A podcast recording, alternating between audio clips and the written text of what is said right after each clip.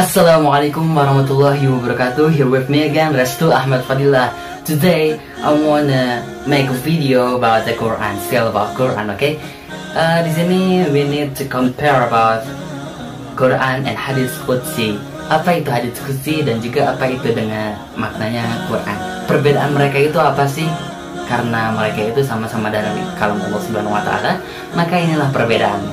Yang pertama, hadis qudsi itu tidak sebagai mukjizat.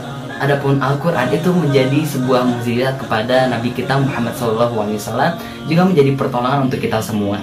Lalu yang kedua, hadis qudsi itu berpotensi bisa diterima sebagai hadis sahih, bisa diterima sebagai hadis hasan, bisa juga sebagai hadis doif. Nah, adapun dengan Al-Quran, yaitu kalam Allah Subhanahu Wa Taala yang sifatnya itu mutawatir, mutlak tidak ada orang yang bisa meragukan Al-Quran tersebut, karena memang dipercaya memang sudah sahih seluruhnya. Selanjutnya adalah yang ketiga, di mana uh, sebagaimana kita tahu bahwasanya Al-Quran itu dari Allah Subhanahu Wa Taala baik kalamnya, maksudnya baik pelafalannya maupun maknanya tidak bisa dirubah. Baik baik dari lafaznya lafalnya juga atau maknanya itu dari Allah Subhanahu wa taala.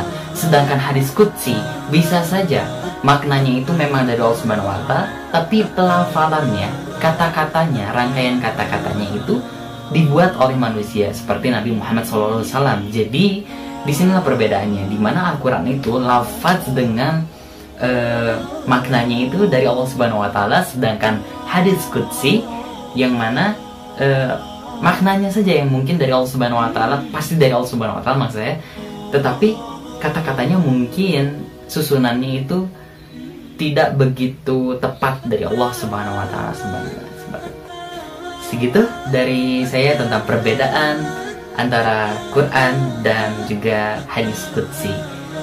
Hope you enjoy my video. Don't forget to like comment and subscribe. Assalamualaikum Assalamualaikum warahmatullahi wabarakatuh. Here with me again Restu Ahmad Fadilah Today I wanna make a video about the Quran Still about Quran okay?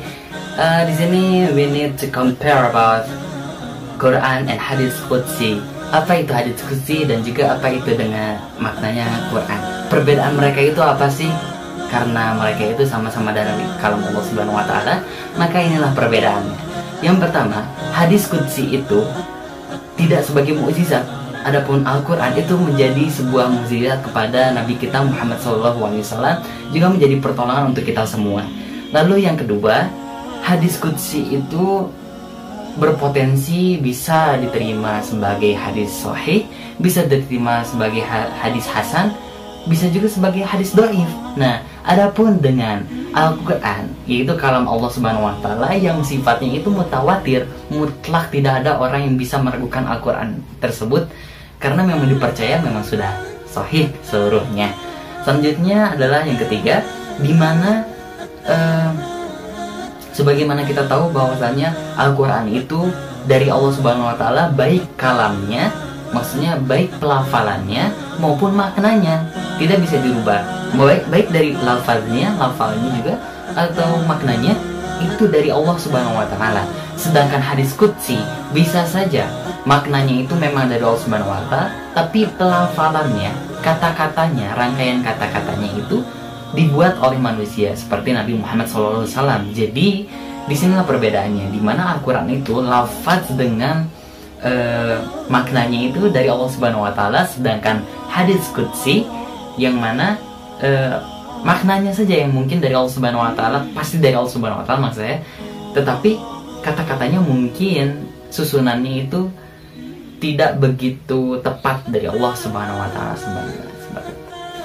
segitu dari saya tentang perbedaan antara Quran dan juga hadis qudsi. Hope you enjoy my video. Don't forget to like comment and subscribe. Assalamualaikum